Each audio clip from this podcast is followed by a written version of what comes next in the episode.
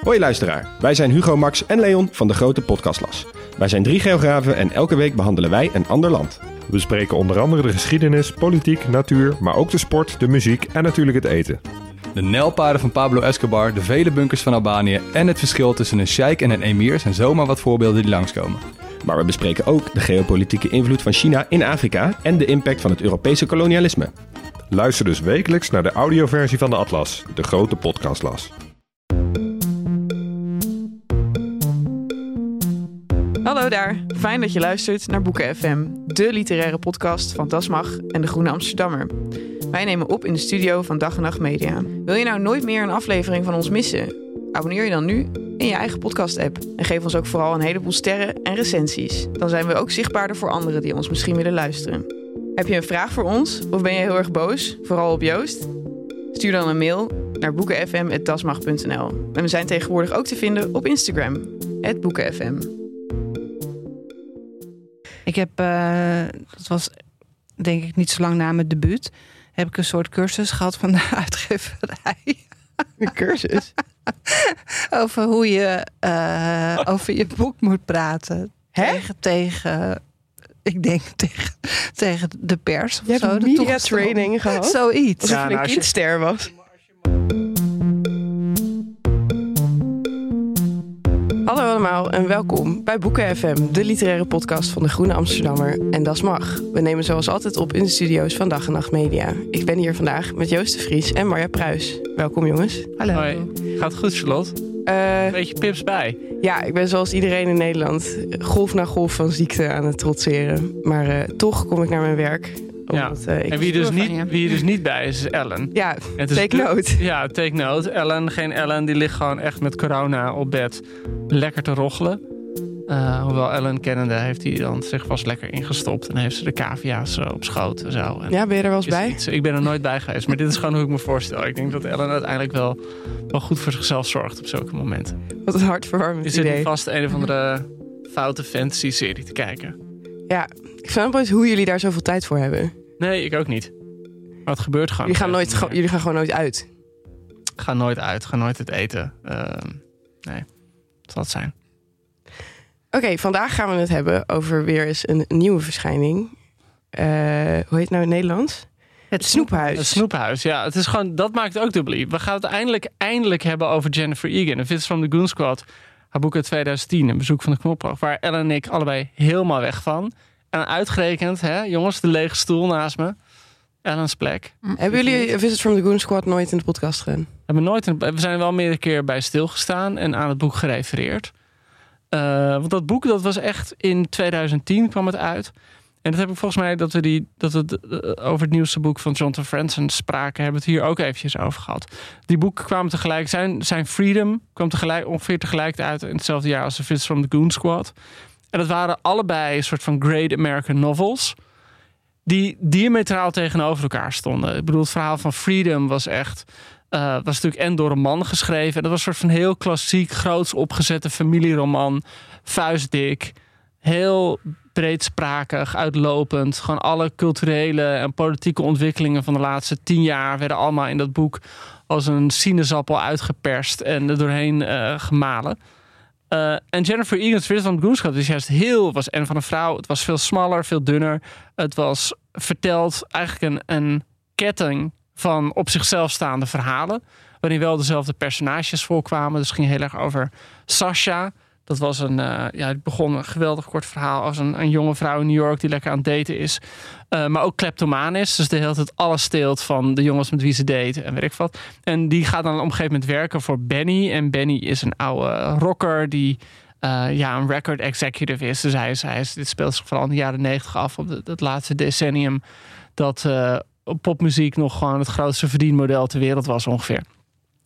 En uh, ja, dat was dan verteld gewoon vanuit hun vrienden, vanuit hun dochters, vanuit familie. Uh, dus een soort van. En de sprong, die verhalen zaten soms ook tien jaar, twintig jaar uit elkaar. Dus dat was op een hele verknipte manier uh, achronologisch verteld.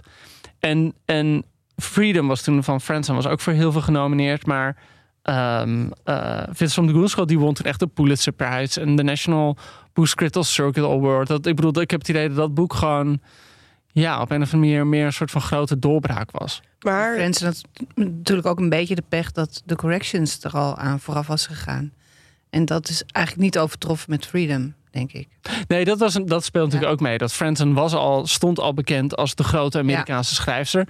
En Jennifer Egan had wel al een paar romans en een paar verhalenbundels Ja. geschreven. Die ook wel opgepikt waren, maar niet echt groot. Dus zij, was, zij had echt die doorbraak op dat moment. Ik snap de vergelijking niet helemaal, want Visit from the Goon Squad was toch veel meer een experiment met de vorm dan Freedom. Ja, nee, en daarmee helemaal. werd juist Jonathan Franzen opeens een beetje een ouderwets eh romanschrijver. ja. ja. Ja, dus gewoon gewoon, omdat die boeken zo tegelijkertijd uitkwamen. En allebei waren het echt van die boeken die echt gewoon eh, heel erg gingen over... Nou, ik zal niet zeggen de Amerikaanse ziel, maar wel echt Amerika als onderwerp hadden. Ja.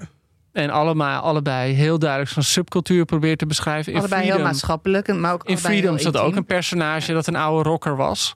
Oh ja. Eh, dus, dus die boeken, ja, soms hebben boeken niks met elkaar te maken. Maar het feit dat ze in elkaars vaarwater verschijnen, betekent toch dat er een soort van eh, een eh, soort elektriciteit ontstaat. ja. We hebben, er was nog een moment dat we dachten dat eh, eh, Candy House tegelijk zou verschijnen met de nieuwe Jonathan Franzen. Eh, is dat opzettelijk uitgesteld, weet jij dat? Ja, weet niet. Hmm. Het is zoiets wat, wat ze vroeger, wat bands vroeger altijd deden. Dat de Stones, dat Blur en Oasis dan op dezelfde dag met een... Ja, maar daarvoor zijn het toch gewoon niet genoeg vergelijkbare schrijvers. En ook ze zijn te gevestigd allebei. Wat Ja, kan ze nou nog schelen in enorm- godsnaam? Ja. ja. Ja, want we moeten ook meteen zeggen dat Marja, Marja zit erbij hier te stralen. Eh, want jij mag Jenny zeggen. Ja, ik had ehm, toen het net uit was, ik was ook helemaal weg van eh, de Goon Squad. En toen had ik de mogelijkheid om haar te gaan interviewen in New York. En eh, Eindeloos met een gemaild. ja, vooral die mailwisseling werd vooral zo lang, omdat er was een reis gepland. Alles was eh, helemaal klaar. Ik zou weggaan, maar toen was er die uitbarsting van een IJslandse vulkaan. Oh, Ah ja. Oh, nice. Ik was echt benieuwd of iemand dit nog zo weet hoe je dat Dat je dat nog uitspreekt. weet. Nou, in ieder geval. Ja, mijn oma zat vast in die wolk. Oh, in de wolk. oké. Dus Ja. Die hangt nog steeds ergens in de lucht daar boven, Ja, die boven IJsland. wolk die, die zat mij dus ook dwars. En daardoor ben ik gewoon later gegaan. Maar daardoor had ik nog, nog meer gelegenheid om al vrienden met haar te worden, dacht ik, per mail. Maar ik weet nog steeds dat jij gewoon, dat jij het zat tegenover me op de redactie van de Ja. Groene. En dat jij dan heel zo, oh, Oh, Jenny. Ik heb weer een mailtje van Jenny. Ik heb weer een mailtje ja, het van was Jenny. Jenny geworden. Hé, maar dat is toch superleuk? Ja, het was superleuk. Was ze daar, kon ze goed mailen? Heel leuk mailen. Echt heel leuk. Ja, dus daarom was het... Ja, ik probeer een beetje op te bouwen. Maar ik vind het altijd moeilijk om naar een kloek toe te werken. ja, dat is altijd heel maar het was best een beetje... eh, in werkelijkheid was het gesprek liep wat anders. A rough awakening. Oh nee. Ja, je werd, was, je werd, was het Never Meet Your Heroes? je werd eh, wakker uit de Weet je droom. toch wel dat... Ja, Wat Ja. jammer. En wat gebeurde dan precies? Ja, het was ook weer niet extreem, maar het had er gewoon mee te maken. Jennifer Egan is gewoon een pro. Ja, goed, dat zou je natuurlijk op zich moeten eh, omarmen. Oké, maar vijf stappen terug. Je kwam binnen. Oh ja, Wat had ze dat. aan? Wat had ze aan? Wat, Nou, hoe zat haar haar? Nou, laat ik het zo zeggen. Ze kwam gehaast binnenzetten. Ik zat er best wel een tijdje. Ik had met haar afgesproken in Brooklyn, Fort Greene, in zo'n eh, soort eh, een beetje alternatieve eh, koffiezaak. Weet je wel, waar eh, het, wat ik toen nog heel lekker vond, wortelcake op de. Oh, ik ga nu echt in te veel detail. Ja, ik nee, dit het is wat we willen weten. En het rook gewoon helemaal naar thee en kaneel daar, weet je wel. En ik was echt super zenuwachtig. Dus ik was er ook al vroeg, maar daarom zat ik lang te wachten. Ik zat te klooien met mijn opnameapparatuur. En toen kwam ze binnen en gewoon, ja, een gewone vrouw. Natuurlijk een gewone vrouw. Maar wat ik nog weet van hoe ze eruit zag, ze liep op blote voeten op van die flipflops. Oh, En ze kwam binnen alsof ze net eventjes tussen twee boodschappengangen door binnenkwam voor mij. En die sfeer hing er gewoon helemaal om het gesprek heen. sprak minachting uit die schoenen. Nou ja, een beetje dat of zo. Ja, en eh, vooral ook op ze keek best wel veel op de horloge en op de telefoon. En er, er was een kind ziek en de man was alleen thuis met het kind en die kon dat blijkbaar niet aan. In ieder geval, ze was dus een pro in die zin dat ze eigenlijk alleen maar mee bezig was van hoe krijg ik mijn boek de wereld in om te beginnen in Nederland. En daar was ik dus natuurlijk het instrument voor. Maar aan de andere kant weer niet een pro en was ook gewoon zo'n moeder en echtgenote die zich zorgen maakte dat haar man gewoon eh, boos zou worden als ze te lang weg zou blijven. Maar was het ook niet, dat staat me een beetje bij, dat, dat is mijn ervaring ook wel. Ik heb natuurlijk ook eh, heel veel van die interviews gedaan. Oké. En, eh, Baas boven baas. nee, nee, nee. Maar gewoon. Gaat mijn verhaal gaat gewoon weg nu. Nee, nee, we, kan- we keren zo weer terug bij je verhaal. Ik maak alleen even deze zijstap. Ehm, dat je soms ook met Amerikaanse schrijvers hebt. Dat die te goed over hun boek kunnen Ja, dat was het helemaal... heel sterk. Ja. In Nederland kan Oh, ja. volgens mij alleen Peter Bualde dat. Maar van die mensen die Ja, zo er goed over hun boek praten... Dat, je als dat je bijna niks meer toe te voegen. Die vertellen je in ik één moet keer er het hele... trouwens nog iets bij vertellen wat zich vooraf afspeelde. Ik had eh, de Goon Squad had ik al een tijdje daarvoor gelezen, was ik ook helemaal weg van. Ja, Is ook een diep menselijk verhaal. ja. Maar ik had ook ter voorbereiding haar de roman die ze daarvoor had geschreven, Look at Me, een hele dikke roman, gaat over een terrorist, gelezen. En ik dacht echt, deze vrouw is een heks. Ik was echt heel bang ook om haar te ontmoeten. Ik dacht, deze vrouw ziet alles. Oh nee. Ja, en dat heb ik er ook wel geprobeerd te ontfutselen. En dat vond ze eigenlijk heel vreemd, dat ik haar zo zag. Oh, jij oh. ja, ik ben gewoon een schrijver en eh weet je, Hey, ik verzin dingen. Hey Mar, maar je zei nu dat, eh, dat Jennifer Egan een eh, Maar- totale pro was. Mhm. wat, wat was jij dan precies? Want misschien kan je... want Je hebt, je hebt de tekst... Je hebt de, Ik had me heel goed voorbereid. Zoals jullie, ik heb nog in mijn boek bewaard. Gewoon de, de vragen die ik haar wilde stellen. kan je een paar van de vragen Een stellen? hoogtepunt van de vraag was. Ik had het soms ook al in het Engels gezet. Dat ik dacht, ik hoef ik niet na te denken over de vertaling. How important is your husband in your career? Oh, hè? Ik- Voor de libellen was dit. De, de Groene Amsterdammer stuurt zijn grootste literaire verslaggever erop uit. Het zou ik How vragen. important is recognition for you? Recognition. nou ja, een beetje belachelijk allemaal. Maar goed. eh, Lijkt me echt onmogelijk om zo iemand te interviewen. Het was heel, het was, zij was heel, wel heel talkative, maar het was ook haar kostbare lunchtijd. Dus ze ging ook eten terwijl ze aan het praten was. Wat had ze? Hey, Ja, maar en, nou eh, ik weten wat ze had. Ze had de salade en ik nam van schrik yoghurt. Ja, een salade zonder dressing zeker. Ja, bij wijze van spreken. Ze, was ook echt een hardloper. Hey maar, en ehm, Ja. eh, nu we toch aan het bespreken zijn wat een enorme pro je was. Wat eh, gebeurde er toen je klaar was met het interview? en eh, je naar je bandje keek? Ik heb Joost nog nooit zo'n guitig hoofd zien trekken.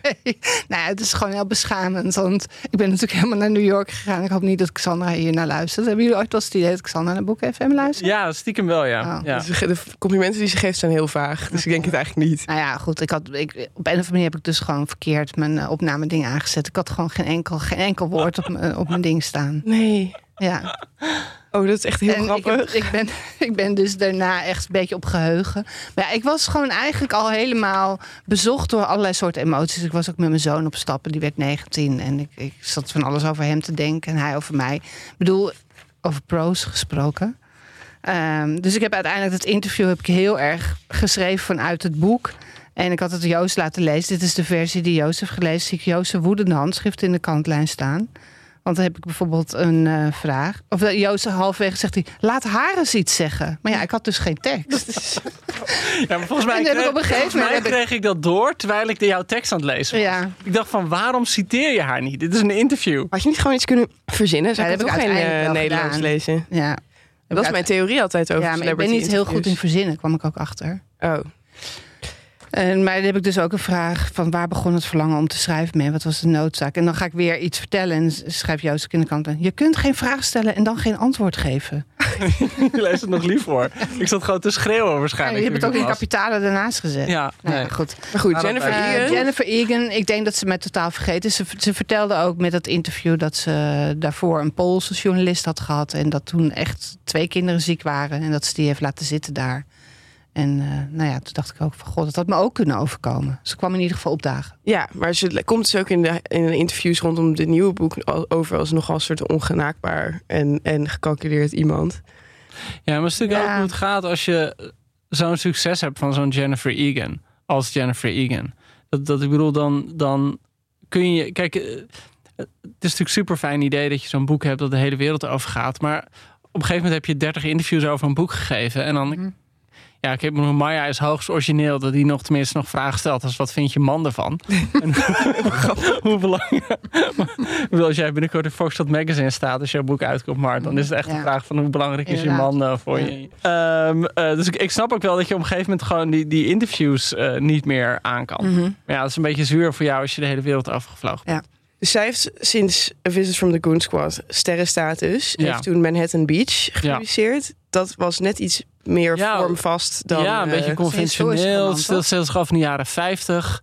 Eh, het- voor mij was het zo'n boek dat iedereen die wild was over Vis van de Goon Squad... zat niet op Manhattan Beach te wachten. Mhm. Want dat was, ja, dat was gewoon een conventionele roman. En, en iedereen was juist zo goed, want dat, dat moet je erbij zeggen bij Viss from the Goon Squad. Dat was dus een roman verteld in verhalen. En die verhalen waren super experimenteel.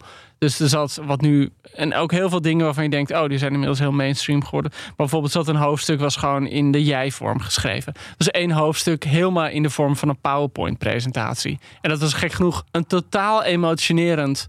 Eh, verhaal. Van Heel een hartverscheurend verhaal over een autistische jongen, de zoon van die Sasha die ik al noemde. Dus dan zit je weer 30 jaar in de toekomst. Zij heeft inmiddels kinderen gekregen. En die zoon heeft een, eh, zit ergens op het spectrum en die vindt het moeilijk om te communiceren met zijn, zijn ouders. En het enige waar hij dan over wil praten is pauzes in, of dode momenten in popnummers. Dus het moment dat zeg maar de beat dropt en die weer, weer verder gaat. Zeg ik dat goed, Charlotte? Jij bent eh, van het uitgaan. En zoals je wil laten merken. En eh, daar krijg je een hele pauw. En tegelijkertijd gaat er helemaal in die PowerPoint-presentatie zit hun familiedynamiek en de verhoudingen tussen vader, moeder en, en nou ja, gewoon heel, heel mooi gedaan. Maar als, oké, dus als zo'n ro- roman als deze eh, echt legendarische status heeft bereikt. En vooral dit hoofdstuk in PowerPoint-vorm, dat was ook heel mooi. Wat ik ook, en misschien goed om te vertellen ook, want dat, dat, daar komen we met het nieuwe boek zo op terug. Er zit bijvoorbeeld ook in de derde, of in de jij-vorm een heel mooi verhaal in over een jonge Drew. Eh, die is dan studievriend van eh, Sasha. En die is, zit nog in de kast. Hij is eigenlijk verliefd op het vriendje van Sasha. En die verdrinkt dan in de rivier. Dat is helemaal vanuit de jij-vorm geschreven. Colin, Zo'n jongen die eigenlijk niet... Heet die Colin? Hij heet Drew, toch?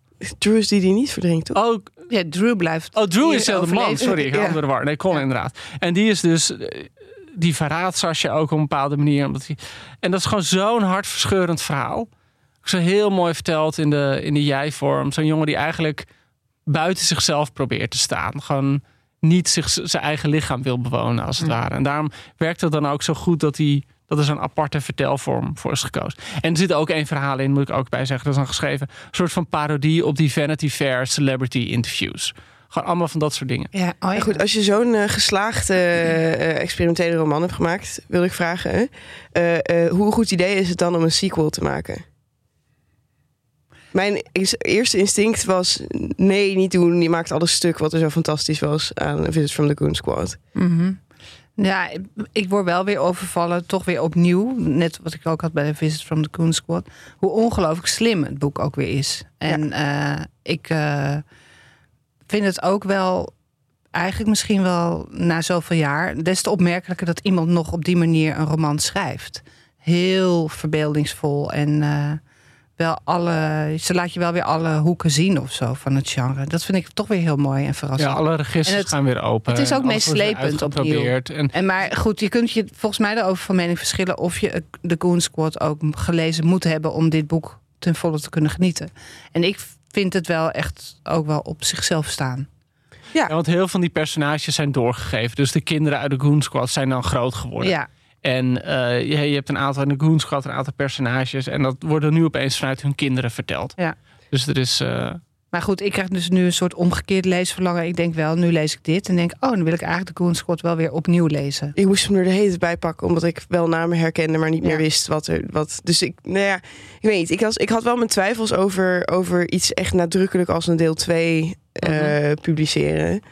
Ehm, ja, Ja, ze- maar- zij pro- in interviews probeerden ze er een beetje onderuit te komen. Hè? Ja. Dat het meer van, nou, het is geen sequel. Maar een sister. Ze zei van, ja, ik ben er eigenlijk altijd mee bezig gebleven. Ik ben in mijn hoofd altijd verhalen blijven bedenken rond die personages. Maar ik heb wel wel het idee dat ze er nu wel echt iets nieuws ook weer mee wil doen. Namelijk dat ze toch iets wil zeggen over onze omgang met technologie. Ja, want en in dat, dat hoeverre moet- die ja. boven, ons boven het hoofd groeit. Dat, dat moeten we. Ik bedoel, dat, dat is een soort van het grote vertelmechanisme. Ik bedoel niet dat de technologie nou alles bepalend is in het boek, helemaal niet. Het gaat meer om de menselijke verhalen.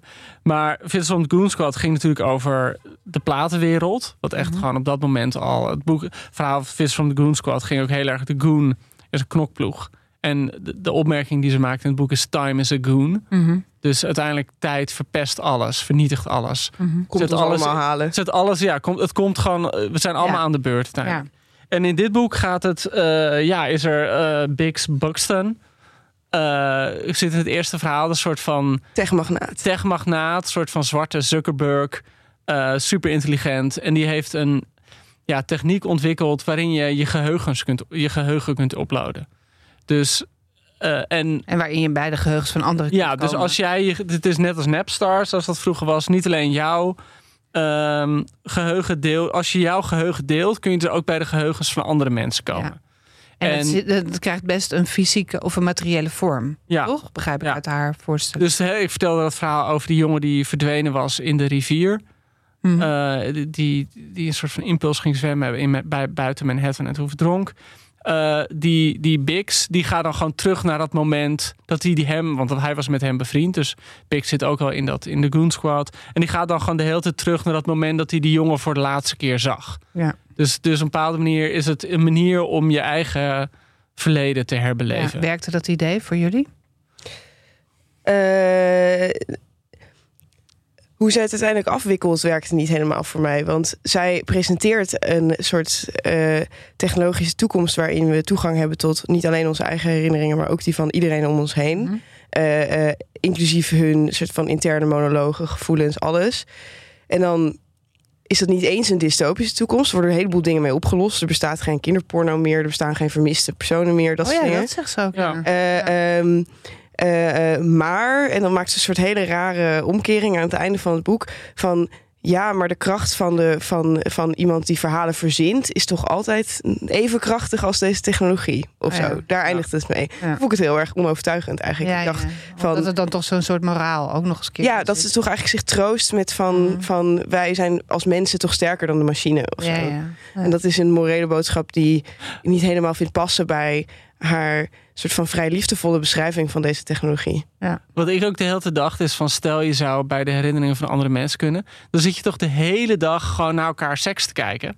Ja. Je weet toch de hele tijd van nou, wat zou, dat ook gedaan? wat zou Evie Jinek eh, vorige week gedaan hebben. Gewoon de hele tijd ben je dan gewoon op die manier. Nou, ik moet eraan denken, ook omdat er is natuurlijk een aflevering van Black Mirror geweest die deze technologie presenteert al als een bestaande, bestaand iets. Mhm. En daarbij, daar zit een stel in. En die gebruiken deze technologie vooral om tijdens het neuken herinneringen aan vroeger, toen het nog heel erotisch was, terug te kijken. Zeg maar, ze zijn al tien jaar samen. En dan zeg maar, ervaren ze van, oh, toen we net samen waren, toen was het zo. En intussen hebben ze dan hele saaie seks.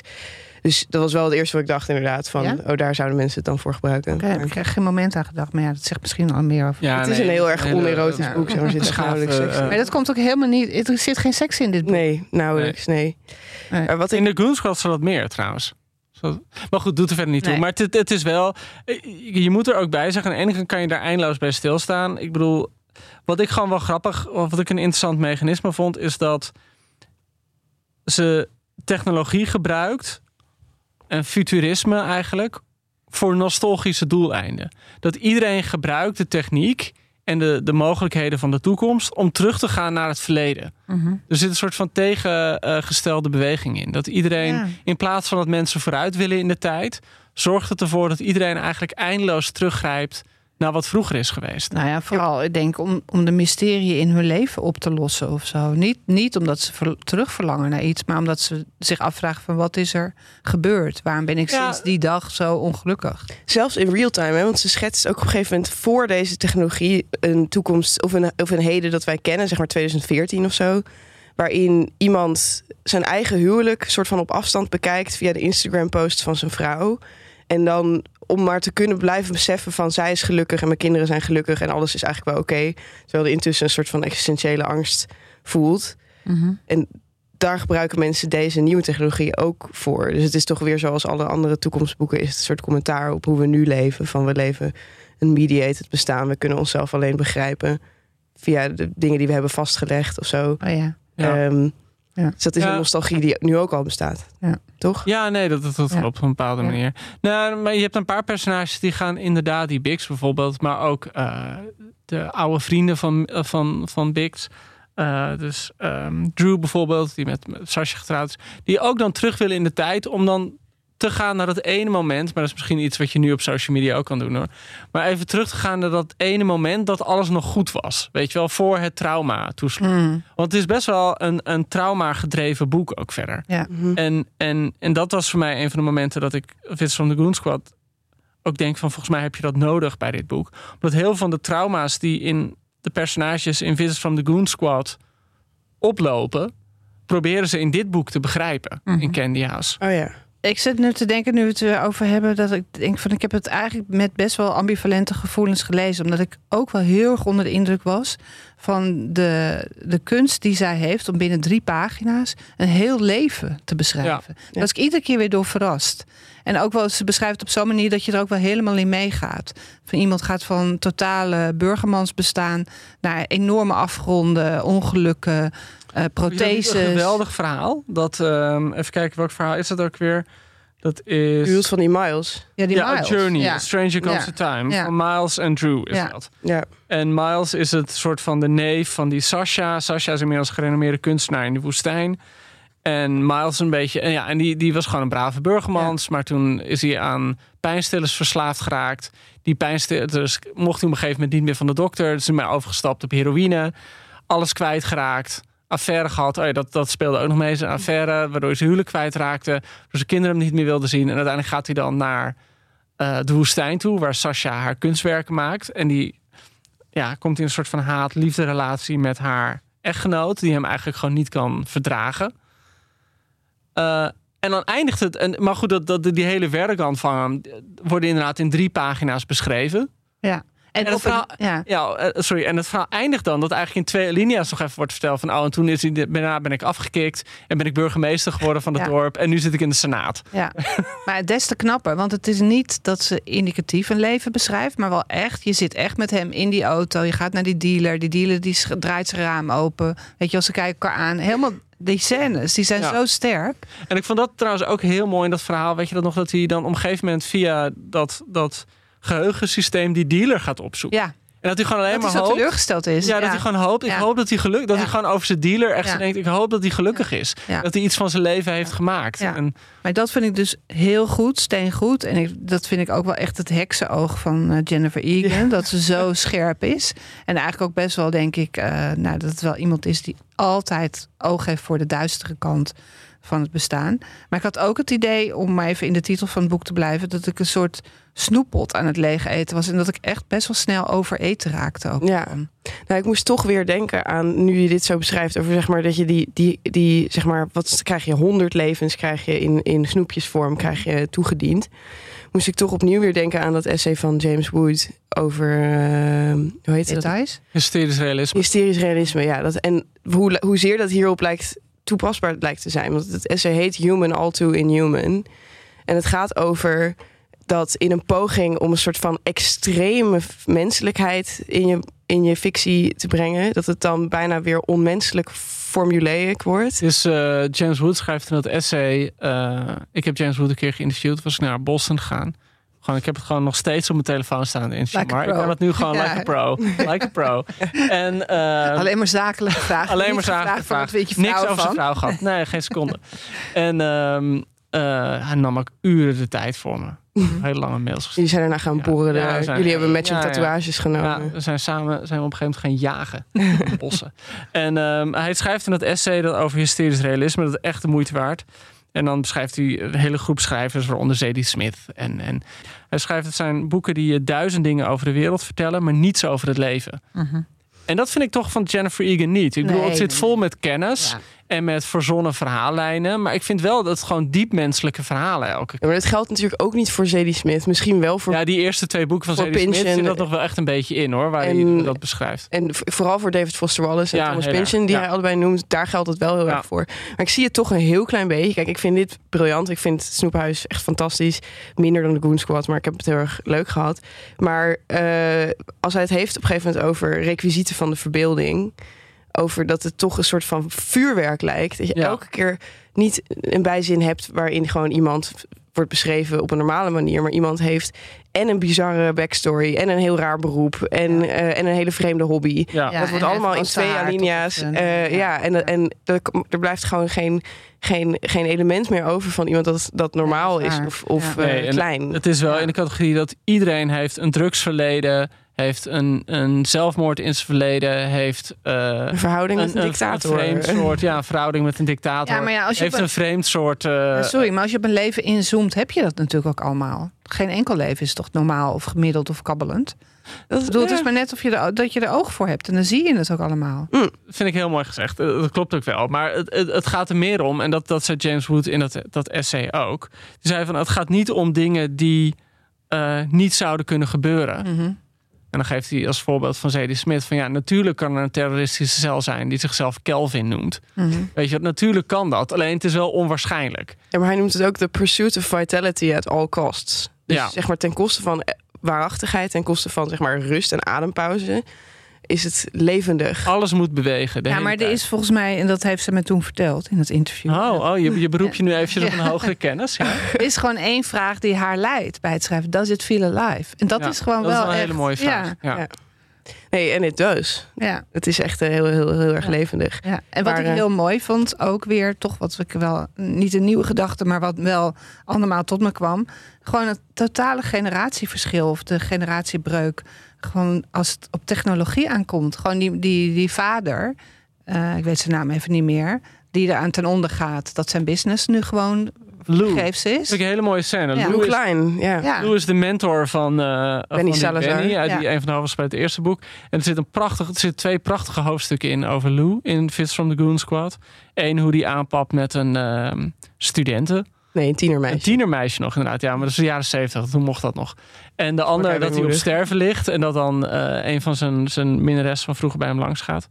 En het is een heel mooi, wordt heel mooi beschreven dat hij gewoon ineens een alinea... dat hij, eh, dat hij zijn dochters zijn voor hem komen werken. En dat hij daar heel lang van vervreemd was.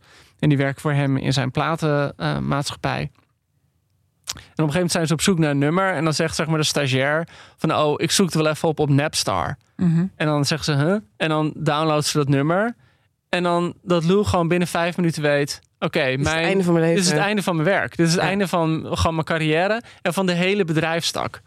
Ja. Eh, en daar, ja, ik bedoel, dat, dat zit ook in de Goonsquad zo mooi. Eh, dat, dat, dat, die, die op Ja. onderkomst van de platen. eh, Ik heb er een streepje bij gezet, omdat ik het zo goed geschreven vond. Zonder dat zij, dat ik een schrijf van dat het allemaal vreselijk is of zo. Maar dan schrijft ze vanuit het perspectief van de dochters. Wij zagen dezelfde feiten als onze vader, maar op een andere manier, door de bodem van een glas. Ja. Heel sterk. De LA Times ziet dit soort fictie als een verzet tegen autofictie. Of tegen een soort van Oh, alomtegenwoordige kleine, Speciaal dit boek? kleine roman. Nou ja, ze hebben gewoon in een bijzin in een interview met, eh, met Egan... eh, eh, zetten ze dit eigenlijk recht tegenover alle kleine autofictionele romans die nu verschijnen als soort van ja, de anti-autofictie. Wat vinden jullie daarvan? Nou, ik vind het wel. Het, die gedachte bekroop mij wel. Dat ik dacht van goh, het is best lang geleden dat ik zo een roman las. Die gewoon over andere mensen gaat. Ja, Ja. ja, maar dat ik dat heel erg met- een soort leeshouding heb gekregen voor autofictie. Ja, nee, maar we hadden het, daar hadden we het vorige keer al over toen we eh, het nieuwe boek eh, Crossroads van John Franzen bespreken. Dat het bijna zeldzaam is geworden dat iemand gewoon een verhaal gaat vertellen met verzonnen personages op een verzonnen plek. Ja. En je daar gewoon helemaal in meeneemt. Zodat het Ja. de auteur op geen enkele manier de behoefte heeft naar zichzelf te verwijzen. En ik zeg erbij, er zijn echt supermooie eh autofictieboeken verschenen hoor. Maar ik, Het met dit boek ja. ook, ik lees het zo, met zo'n vaart heb ik het gelezen. Ja. Gewoon dat iemand gewoon zin heeft je gewoon een lekker verhaal te vertellen. Ja, maar ik moet er wel bij zeggen. eh, dus En wat, het is, wel- wat wil je nog meer dan dat? dat nee, gewoon een lekker dat is ook zo. Maar ik dacht wel van, goh, wat is er met mijn hersens aan de hand? Ik ben wel echt zes keer, opnieuw, eh, zes keer opnieuw begonnen in dit boek. Omdat gewoon eh, ze ook no mercy heeft. Ja, dit Voor de lezer. Het, du het duizend met al die personages, die namen. Ik werd gek. Ik dacht, wie is wie? Ik moest aantekeningen gaan maken op een gegeven Ja. moment. Ja, nee, ik, had ook, ik, had, ik was het aan het lezen en ik heb Visser van de Goonschot ernaast gehad. Omdat je dan de hele tijd bladeren van... oké, wie, was, wie was dit ook alweer? Is Ja, dit ja. Drew of is dit Miles? Maar ja, we moeten de het- luisteraar niet afschrikken. Want het is nogmaals, het is echt niet nodig. De truc is denk ik dat je het gewoon ook misschien niet als een roman moet lezen. Dus achter elkaar. Maar dat je gewoon Nou, elke dag één of twee hoofdstukken leest. Ah nee, maar dan krijg je niet die, Nee. he- die grote bevrediging van die puzzelstukjes die in elkaar het is vallen. zo ingenieus in elkaar gezet. En dat moet je voelen. Maar het is Ja. wel, dat moet ik erbij zeggen... de eerste keer dat ik Visser van de Goonschot las, vond ik het goed. Was ik er niet helemaal weg van. Of Oh, was niet helemaal verkocht. En toen las ik het voor de tweede keer. En dan lees je het wetende hoe het in elkaar valt. Mhm. En toen vond ik het geweldig. Vond ik het een van, een van Ja. mijn all-time favorites. Ja, nou, ik vind dat Charlotte het net heel goed zei. Het is wel echt briljant, vind ik, hoe zij schrijft. Maar ja, we zijn helemaal nog niet bij het eh, waardeoordeel van de podcast. Oh ja, Nee, nee, dat wil ik we- gewoon Ik wil tussendoor zien- zeggen. Ja, nee, Ik maar vind zo werkt- woorden als Zo werkt briljant. Boeken FM niet, Marja. Ja, Nee, pas op het laatst. Oké, maar ik wil alleen dan even zeggen woorden als briljant. Ik vermijd dit, dat soort woorden altijd. Daarom wil ik het ook tussendoor zeggen en niet als een conclusie. Mhm. Bij de Groene Nee, het is eh, echt hebben we altijd de evaluatie op, eh, op, op dinsdagochtend bij de vergadering altijd de evaluatie. En dan krijg je altijd commentaar als je, of zoals Marja krijgt van de week commentaar dat je in een recensie het woord hartveroverend had gebruikt. Wonderschoon. Nou ja, dat was mijn eigen Omdat het bijna gewoon zo'n woord is dat, dat je nooit gebruikt Nee. of zo. Nou, hou op. Dat is Dat is briljant. Is dat misogyn? Ja, wonderschoon is iets wat, wat vrouwen zeggen. Oké, nou dat was niet misogyn bedoeld. Het was Nee, meer dat was we een het erover hadden dat het zo Kijk hoe bang die is. We hebben nu een paar kritieken gehad. Nou, nu opeens zo. Ja, nu Word je heel benauwd. vinden. Ja. Eh, Ik had nog een vraag over ehm, dit boek als beschouwing van over fictie zelf. Want ze heeft een paar keer eh, verhalen in, in The Candy House die gaan over eh, fictie. En dan met name eigenlijk die eh, jonge Chris, en dat is de zoon van Benny Salazar. Die heeft nu een vrij, vrij eh, rare eh, baan. Waarbij die clichés in fictie Oh ja. Eh, Ja. tot algoritmes moet Oh, ja. reduceren. Er zitten ook altijd één of twee verhalen in die, je echt, die ik echt vreselijk vind. Die Ik je dan vond dit ook een heel niet moeilijk mijn favoriete. Nee, verhaal. heel- Nee, maar ik vond het wel interessant. Ja. Want, eh, Ja, ze levert wel commentaar. want hij, ja, maar dat, is, dat zou je kunnen Ja. interpreteren als een vrij goedkoop commentaar. Zo van, nou, oké, we gaan allemaal op een wereld af waarin eh, eh, eh, entertainment in formules tot formules wordt gereduceerd. En je zou je bijvoorbeeld Mhm. Bridgerton gewoon uit een computer zou kunnen draaien. Ja. Mhm. Ehm, en dat zou ik toch een slap commentaar vinden. En dan heeft ze ergens anders is er een moment dat iemand iemands levensverhaal aan het schrijven is. Ja, het wordt weer zo verwarrend. Er zijn echt 50 personages. Ehm, en dat zij dan zegt van... Ja, is het moreel verantwoorder om dat te verzinnen? Of is het moreel verantwoorder om die technologie te gebruiken... en iemands verhaal precies zo op te schrijven als het echt gebeurd is? Zeg maar, wanneer doe je iemand meer geweld aan als je, als je, als je iets zeg maar, uit zijn geheugen echt letterlijk graaft... of als je iets over diegene zeg maar, verzint? Dus het, dit zijn twee vragen die zij zich over fictie stelt... eh, Waar ik bij allebei dacht van ja, je stelt nou wel een vraag, maar je geeft niet helemaal het antwoord Mhm. of zo. Hmm. Ehm, dus wat moeten wij daar dan als lezer mee? Wat vinden jullie? Ik snap het toch niet helemaal, denk ik. Ja, goed. Wat, wat, wil, ze, wat wil ze in dit boek kwijt over fictie? Zeg maar. Laat ik het anders aanvliegen. Er zit een personage in eh, dat obsessief bezig is met authenticiteit nog vinden Ja. in deze wereld, waar geen authenticiteit meer in is. Heel De enige manier waarop hij dat nog weet los te peuteren uit mensen is door te pas en te onpas heel erg naar te gaan schreeuwen in openbare Ja, ruimte. en dan Oh, dat. schrikken ze. Oh, en in ja. dat schrikken vindt hij dan een authentieke... Ja, en dan heeft hij een bijna erotisch moment van, Ja. van een halve seconde authenticiteit. En ergens lijkt Ian toch dit ook een soort van kritiek op zichzelf hierin te hebben. Van eh, eh, is haar werk, dit hele hysterische werk, een soort schreeuw om authenticiteit? Ja, ja, ja. Eh, probeert ze te ontsnappen aan die lijst clichés waar Chris aan aan het werken is. Die algoritme van, van, van het gedrag van fictie. Door de hele tijd, elke keer dat een verhaal vaart krijgt, snel weer weg te duiken en iets anders te doen. Ja, maar ik Oh, denk ja. dat, dat Egan Ja. ook wel oprecht actief bezig is met haar boeken om, om een bepaald soort literatuur te ontwijken. Of Ja. te ontwijken om een bepaald soort conventionele romans. Weet je, dus is duidelijk dat ze daar niet geïnteresseerd in is. En, en dat ze een ander soort manier van verhalen vertellen voor zich ziet. Ja, maar dat was al zo in 2010. Ja, ja, Dus ja. wat is dit? Je weet wel, wat, wat, wat, wat wil ze nou zeggen in godsnaam over fictie? Door ons Nou, een scenario te schetsen waarin fictie niet meer door mensen wordt gemaakt. Ja, maar ze laat eigenlijk zien, denk ik, dat het ook een beetje ontstegen is. Ik bedoel, ze is er en de beste beoefenaar van. En ze is ook de commentator, commentator erop. Dat idee heb ik. En dat maakt haar ook. Ik zal niet weer zeggen briljant, Ja, maar wel heel zo. Ja, Ja, het is gewoon, ja, maar er zit toch nog, toch nog dan een soort ja, iets katerige eh, desillusie in over, over de kracht van fictie. Mhm. En dan aan het einde toch weer hoopgevend van... oh ja, machines kunnen niet wat mensen kunnen. Maar dat, dat, daarom vind ik uiteindelijk, denk ik, het is ook bijna een soort van koude literatuur of zo die zij bedrijft. Omdat ze wel de hele tijd wil laten weten, het zijn verhalen. Weet je, wat zijn constructies. En zij is de grote genius daarachter. Ja, Ja, ben ik toch niet helemaal misschien met je eens. Want wat ik dus dan wel mooi vind... Charlotte noemde net dat verhaal over die jongen die dan gaat schreeuwen. Mhm. Ehm, eh, Alfred. En het begint er al mee dat hij een... eh, geloof ik een film van 3,5 uur heeft gemaakt over ja, eh, Noord- Migration Pattern. Ja, Oh ja. Migration Pattern of North American Geese. Daar heeft hij een eilandse film over gehad, gemaakt. Eh, met een voice-over die zo doods en monotoon mogelijk moest zijn. Omdat het anders eh, sentimenteel zou zijn. En hij, hij verzet zich dus tegen emoties die hij nep vindt.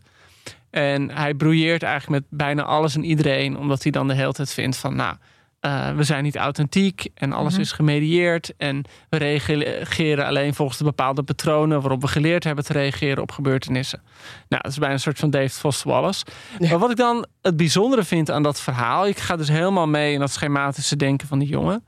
dat er uiteindelijk zijn moeder een vriendje heeft gehad. En dat vriendje was dan weer eigenlijk de vriend van, haar, van zijn broer. Dus gewoon een, een man die veel jonger is dan eh, zijn moeder. En dat is de enige persoon bij wie hij dat niet had. Bij wie hij gewoon altijd bij wilde zijn. En bij wie hij alles geloofde. En dat hij, ik bedoel, er eindigt ook mee dat hij dan bij die jongen langs gaat. Eh, of die man inmiddels. En dat ze gewoon bij hem op de porch gaan zitten en wat biertjes gaan drinken. En dat hij eigenlijk ook wel ziet van, goh, zo goed gaat het helemaal niet met hem. Maar dat er dan dus één iemand is, het is helemaal niet erotisch of, of weet ik wat. Maar dat er dan, dus je krijgt zo'n heel schematisch verhaal. Maar uiteindelijk wordt het hele verhaal ongedaan gemaakt. Eh, omdat er gewoon zo'n uitzondering is. Zo'n één iemand bij, bij wie deze Alfred altijd die authenticiteit voelt. Ook al doet die jongen niks anders dan andere dingen. Mhm. Dus op een bepaalde manier laat het ook gewoon heel mooi zien, vind ik. Dat individuen altijd dat soort manieren van denken overstijgen. Ja, dat dus- er altijd de formule dus zijn. niet... Ja, dat de Dus formule dus niet opgaat. Dat, Ja, ja. dat de formule niet sluit. Ja, oké. Ehm, vond ik echt een heel, heel mooi verhaal. Ja. Ook omdat het zo ongedwongen wordt verteld. Ik bedoel, Ja. Egan verstaat ook wel de kunst dat niet elk verhaal, sommige wel hoor. Eh, in de Goonscott had ze dat iets meer nog. Dat verhaal soms echt naar zo'n clue of zo'n ontknoping eh, toe eh, werkte. Terwijl Ja. dit vaak ook wel wat meer kon blijven hangen ergens in. Ik vond die schreeuw wel echt heel vervelend. Maar goed, als ik hem nu dan metaforisch probeer te zien, dan is het misschien wel weer interessanter. Zullen we naar de vraag? Ja, we hebben een vraag. Oké, we hebben vandaag niet Merel bij ons die altijd heel liefdevol ehm, de hele mail voorleest. En hebben we ook geen eh, stream of consciousness-achtige voice memo eh, van iemand gestuurd gekregen. Nee, deze keer niet. We hebben wel een stream of consciousness ontvangen, Ja. maar die is eh, textueel deze keer. En gaat over de Nederlandse auteur Allard Schreuder. Die van wie ik nog nooit had gehoord. Heb je nog nooit van Ad Schreuder gehoord? Nee, maar dat zal wel weer mijn schuld zijn. Hij heeft in, ik denk 2002 of zo, 2003, had hij die hydrograaf. Geweldig boek. En daar heeft hij de ACO Literatuurprijs voor mee gewonnen. En ik heb een keer een heel dik boek van hem gelezen. Heette dat? Raaf? Kan dat? Ja, Raaf. Had ook de arm. fantastisch. Grover, Favonius. Grover, dat was het. Over, ja. Ja. Toen zag ik hem. Ik ken hem helemaal niet, maar ik zag hem. Ik heb het, ik heb het over twintig jaar geleden of zo. Toen dacht ik, ik moet echt tegen, tegen deze man zeggen wat een ongelooflijk mooi boek hij heeft geschreven. Oké, dus jullie zijn er En heb je dat toen gedaan? Dat heb ik gedaan. En wat zei hij Hij was helemaal verrast en heel Oké. blij. Oh, wat een leuk verhaal. Goed, jullie eh, zijn allebei dus ook wel op zich fan van Allard Schreuder. Ja, we kennen hem, ja. Eh, eh, maar we hebben zijn allergrootste fan nu in onze inbox, Mart. En ehm, die citeert Ilja Leonard Pfeiffer, die onlangs Schreuder in de Volkskrant... een Nederlandse schrijver die ten onrechte niet zo bekend is bij het grote publiek... maar die een van onze allergrootste levende schrijvers is. Dat heeft Ilja Leonard Pfeiffer over Schreuder gezegd. Ehm, en de vraag die Mart daarover heeft, is waarom is Schreuder nou niet zo bekend als andere Nederlandse schrijvers? En, en, en nu citeer ik Mart. Wat maakt volgens jullie dat de ene schrijver niet alleen goede go- boeken schrijft, maar ook bekendheid geniet, terwijl de andere meer een writer's writer lijkt te zijn? En daar, daar, hij noemt dus Schreuder als writer's writer. Ja. Wat, eh, wat denken jullie? ik Misschien moeten we dat- eerst de term writer's writer even definiëren. Ja, ik zit alleen eerst meteen even te denken aan een keer een optreden wat ik van Schreuder zag. Nadat hij die ACO Literatuurprijs had gewonnen. Was het nog bij Barend en Van Dorp. En toen vroegen Barend en Van Dorp echt zoiets aan hem van... hey, eh, kun je even het weerbericht op zijn literairs doen of zo? en dat weigerde hij. Weet je, wat was... Ik denk niet dat hij de beste vertegenwoordiger van zijn werk op aarde is. Soms heb je iemand anders nodig die dat voor je doet. Oh, dat is op zich een goed antwoord. Dus iemand kan heel goed schrijven, maar is gewoon niet charismatisch. Ik, nou ja, ik, alles uh, is best wel charismatisch. Ik weet nog, ik, ik heb hem een aantal keer zien zitten bij uh, in um, Schiller aan het Leids of aan het Rembrandtplein. Mm -hmm. uh, volgens mij was daar vast gast. En er was gewoon zo'n man die dan binnenkomt met zo'n zo'n lekker groot wapperende regenjas. Het is een hele, hele goede man. Kop. Ja. Nee, nee, maar wel echt uh, gewoon iemand van als hij binnenkomt, denk je, hé, hey, dat is een schrijver. Schijning, ja. Uh, en, en inderdaad, ik zou de hydrograaf vond ik echt geweldig. Dat speelt zich af aan het begin van de 20e eeuw over zo'n bootreis. Een soort van mysterieuze vrouw die niet uit de cabine wil komen. Een soort van kleine Eerste Wereldoorlog, maar dan op een boot met allemaal van die mensen, diplomaten die met elkaar ruzie maken. En, en uh, haar proberen te versieren. Echt een heel bijzonder, bijzonder boek. Um, maar ja, misschien. En ik, ja, het gekke is natuurlijk, je hebt hele grote schrijvers die weinig media-aandacht krijgen. Maar ja, omgekeerd heb je natuurlijk ook echt niet. ik zal niet zeggen kleine schrijvers, maar je hebt ook schrijvers die minder groot zijn en niet snel de, nooit de ACO zullen winnen en die niet uit de kranten weg te slaan zijn. Mm -hmm. en, ja, en die vaak bekend zijn om iets anders en Ja. die dan een boek hebben geschreven. Oké, maar wat is dan... Wat is een writer's writer? oh ja, sorry. Ja, dat is wel weer wat anders, een writer's writer. Ja, een writer's writer zegt het al. Dat is eigenlijk een schrijver die alleen, die vooral gewaardeerd wordt door andere schrijvers. Dus ik bedoel, James Salter is zo'n voorbeeld. Ja, die heeft later in zijn leven een heel groot publiek. Nu is het ken echt ik zo'n van jou. icoon. Mm. Zo'n icoon is dat geworden. Maar die ging zijn hele, bij zijn halve carrière wa- was hij de ultieme writer's writer. Dus zijn, vaak zijn dat schrijvers die heel erg door techniek en stijl gedreven worden. Hele, vaak ook wat moeilijkere boeken schrijven. Eh, van die boeken die, waar mensen die zelf boeken schrijven precies zien van... oh wauw, wat, wat doet hij iets nieuws. Mhm. Maar voor het groot publiek is dat dan vaak te ingewikkeld. Dus dan ben je Ja. een writer's writer. Oh, Vernuftig, maar een ander soort vernuftigheid dan Egan bijvoorbeeld Ja. op de dag legt. Ja. bedoel, Egan is wat dat betreft alsof je een hele moeilijke puzzel toch uiteindelijk opgelost krijgt en zelf een maar beetje Egan is ook een writer's writer. Eh, ongeveer alle schrijvers die ik ken ook fan zijn van Egan. Ja, maar dat is wel bijzonder. Dat is heel bijzonder. Oké, dus jullie hebben het eigenlijk al verklaard. Er zijn een paar redenen waarom een schrijver populair kan worden bij een groot publiek. En dat is dat hij zich goed weet te presenteren. Dat hij toegankelijk werk Ja, het schrijft. gek is, eh, het gek is Ja. dus dat, dat... Kijk, als je, al heb je gewoon met je... heb je je tv... Je zit lineair tv te kijken. je hebt je tv gewoon zoals een normaal mens gewoon op mute. Want je Nederland kijkt 3. nou tv met, met geluid uit. En je zapt langs eh, De Wereld Rijdt Door. eh, of eh, wat heb je nu? Galit en Sophie. Of, nou, Baart en bestaat ook niet meer, maar gewoon op één. en dan zap je langs Tommy Wieringa of Ilja Leonard Vijvert of Tom Lanois. En dan heb je het geluid uit. En zelfs als je die mensen niet kent, weet je, oh, dat is een schrijver. Ja, Gewoon die door- spelen hun rol van Die spelen schrijver. gewoon, die gaan Ja. op dat schild staan en die Ja. spelen de rol van literator. Ja. Eh, en dat werkt bij een bepaald, tot een bepaald niveau en bij een bepaald publiek. Eh, en ik denk dat er heel veel goede schrijvers zijn die daar gewoon voor passen. En ik denk dat, dat iemand als Alice Scheuder eh, beter weet dan een soort van, ja, ik, moet ik meteen iedereen weer pompeus noemen. Dan ben ik zo haterig, zo bedoel ik het niet. Maar het is gewoon iemand die, die denk ik niet op die manier eh, zichzelf op de borst wil slaan of zo. Ja. Zichzelf groter voordoen dan hij is. Ik weet het niet.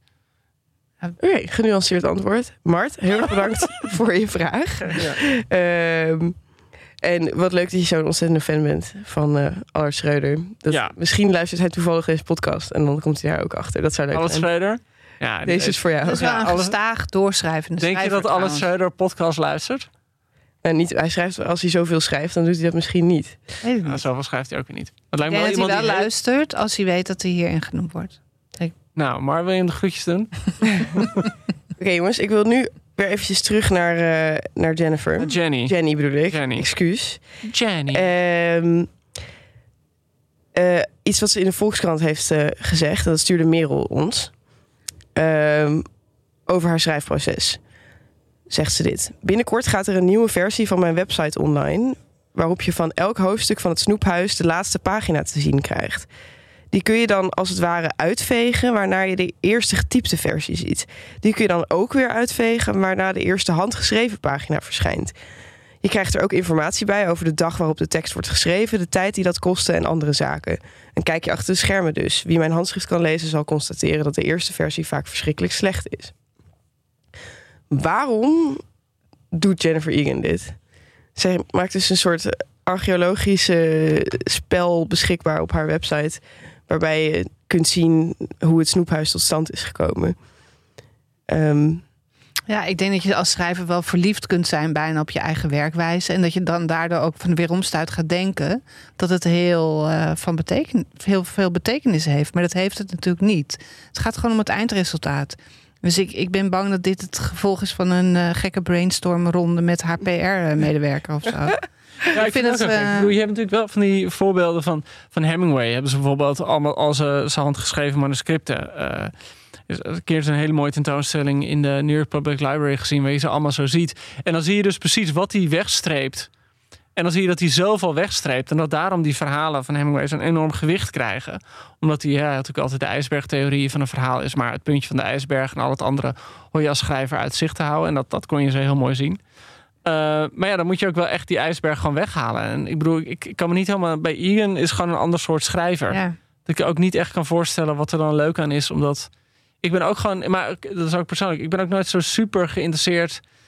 Schrijft hij met de een- hand? Ja, of gewoon een Volkskrant ja. magazine krijg je echt een vraag, schrijf je met de hand. Ja. Dat ik echt denk, ja, of Volkskrant, gewoon de Ja. Volkskrant eh, boekenbijlagen. Altijd Ah, vraag schrijf Hans Bouwman had gewoon moeten vragen: is je man belangrijk voor je? Ja, gewoon how important is your husband for your career?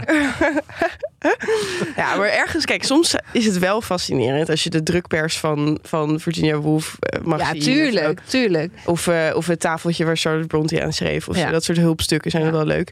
En misschien zijn die er niet meer bij de hedendaagse Nee, is schrijver. dat het ook wel. Het is een soort Ja. van moderne poging, of een hedendaagse poging om Een museum tot stand een te brengen. tot stand te brengen. Dat klopt wel. Nou ja, en zij heeft ook gewoon heel erg interesse in een soort van digitale hulpstukken of zo. Mhm. Want ik weet dat een deel van, eh, van het snoephuis is een kort verhaal in de New Yorker geweest. En dat heette, toen heette het nog Black Box.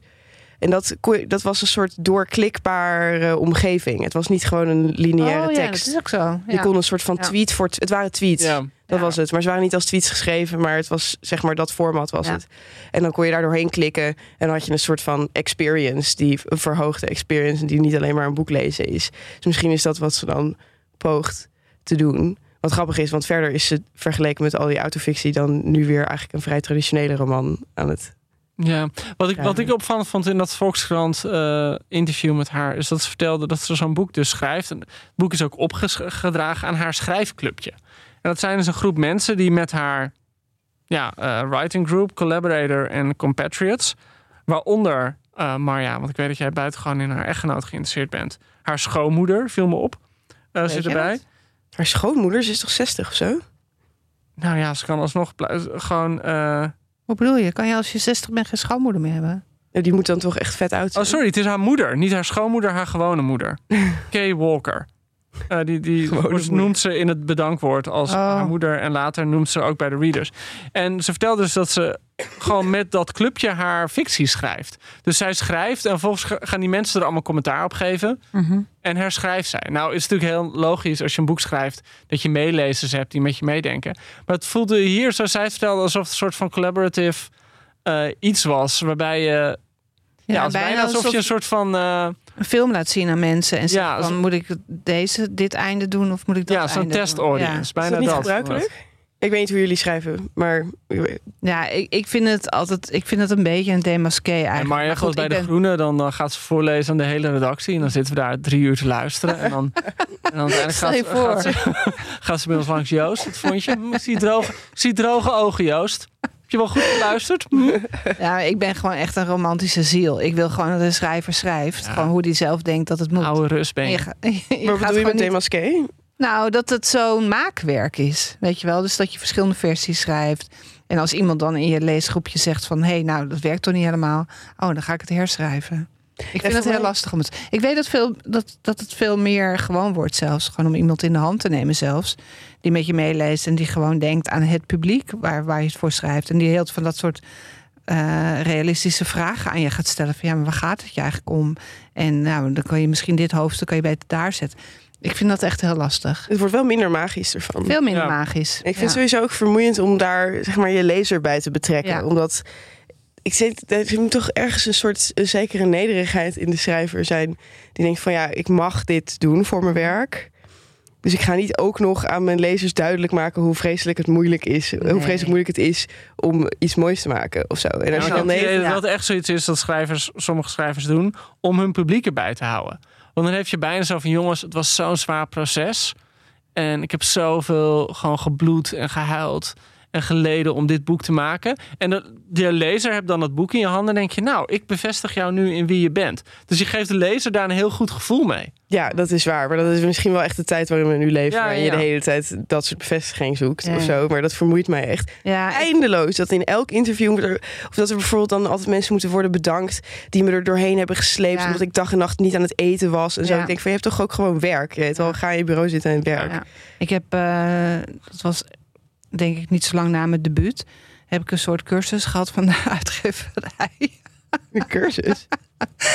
over hoe je eh, over je boek moet praten. Hè? Tegen, tegen, ik denk tegen, tegen de pers of Je zo. hebt de media training gehad. Zoiets. Ja, je nou, een als je- kindster was. Als je, als je Marja ziet, dan weet je wel gewoon dat er een eh, media, media savvy lady is. Maar wat hebben ze Ik heb twee geleerd? dingen onthouden. De mediatraining werd overigens gegeven door Rick de Leeuw. Die ik toen alleen nog kende als zanger van de Drukker naar Keks. Oké, Oh, Eh, naar Rex, oké. Hallo 1949, ja. We hebben het over hardcore jaren 80 punk Oké. hè? Drukker naar Keks, Ja, leuke band. Vertel. Ja, wat heb je Ehm, geleerd? Twee dingen. Eh, hij deed een soort proefinterview met mij. En toen zo van, nou, hoe, hoe is het boek ontstaan? Of hoe heb je geschreven? Ook zo'n soort. En toen begon ik over, nou, ik ging. eh, iedere dag ging ik naar boven, drie trappen op naar mijn werkkamer. Weet je wel, zo'n soort antwoord. En toen zei hij, oké, dat moet je dus nooit vertellen. nooit vertellen ook dat het je moeite kostte überhaupt om te schrijven. hè, maar andere tijden dan echt. Ja, dat, dat heb ik onthouden. En ik had toen een spijkerbroek aan en toen moest ik staan. En zei nooit je handen in je broekzak doen. Ja, het Dat was is- dat solid nooit meer. Ja, nee. Een van de beste adviezen die ik ooit heb gehad, heb ik eh, van jouw dochter, van Greta. Mhm. En dat is als je gefotografeerd wordt, moet je doen alsof je je hoofd door een hoepeltje steekt. Oh ja, ja, zo naar voren. En naar voren. Oh ja, want je heb, je, niet, heb je niet zo'n Ja. onderkin. Ja. en ook zie je er wat energieker uit. Ja, inderdaad. Dus dat denk ik altijd, hoepeltje, hoepeltje. Tong tegen me hemel. Dat is echt heel dat je een beetje een maniacale blik in je ogen krijgt, dat moet, dat moet je op de Nee, maar ik ben toen gedebuteerd eh, tegelijk met Peter Bewalda. En hij en ik moesten toen best wel vaak optreden. En ik had dan elke keer, dan eh, kreeg ik vragen en dan, dan probeerde ik gewoon, dan bromde ik iets, probeerde ik iets te plek te verzinnen. En, en hij kon gewoon zo goed uitleggen bij alles. Ja, ik heb alles gegeven voor dit boek. Ik ben vier jaar lang mijn huis niet uitgegaan. Ja, En dat vertelde hij heel goed. En, en het gevolg was dan dat er aan de afloop kon je dan onze boeken kopen. En er kwamen allemaal mensen naar me toe die zeiden: Nou, ik koop eh, niet jouw boek, want ik koop zijn boek af. Want ja, die jongen heeft er zo hard voor gewerkt. Nee. En ik echt dacht: Ja, kut, ik heb er ook hard voor gewerkt. Maar het is ook een bepaalde kunstvorm ja om dat te op brengen. zo'n manier te vertellen. Ja. Ja, jij bent sowieso nogal een blijmoedig iemand. Ik ben veel te blijmoedig. Ja. Dus dat, dus Maar dat, ik kan me dat ook heel goed herinneren. Peter Bewalda had er echt een, gewoon een verhaal op verzonnen. Van ik heb ieder hoofdstuk herschreven. Dan had ik bijvoorbeeld, gaf ik mezelf een acht. Maar ik ging door tot ik mezelf een tien kon geven. Bij ieder hoofdstuk.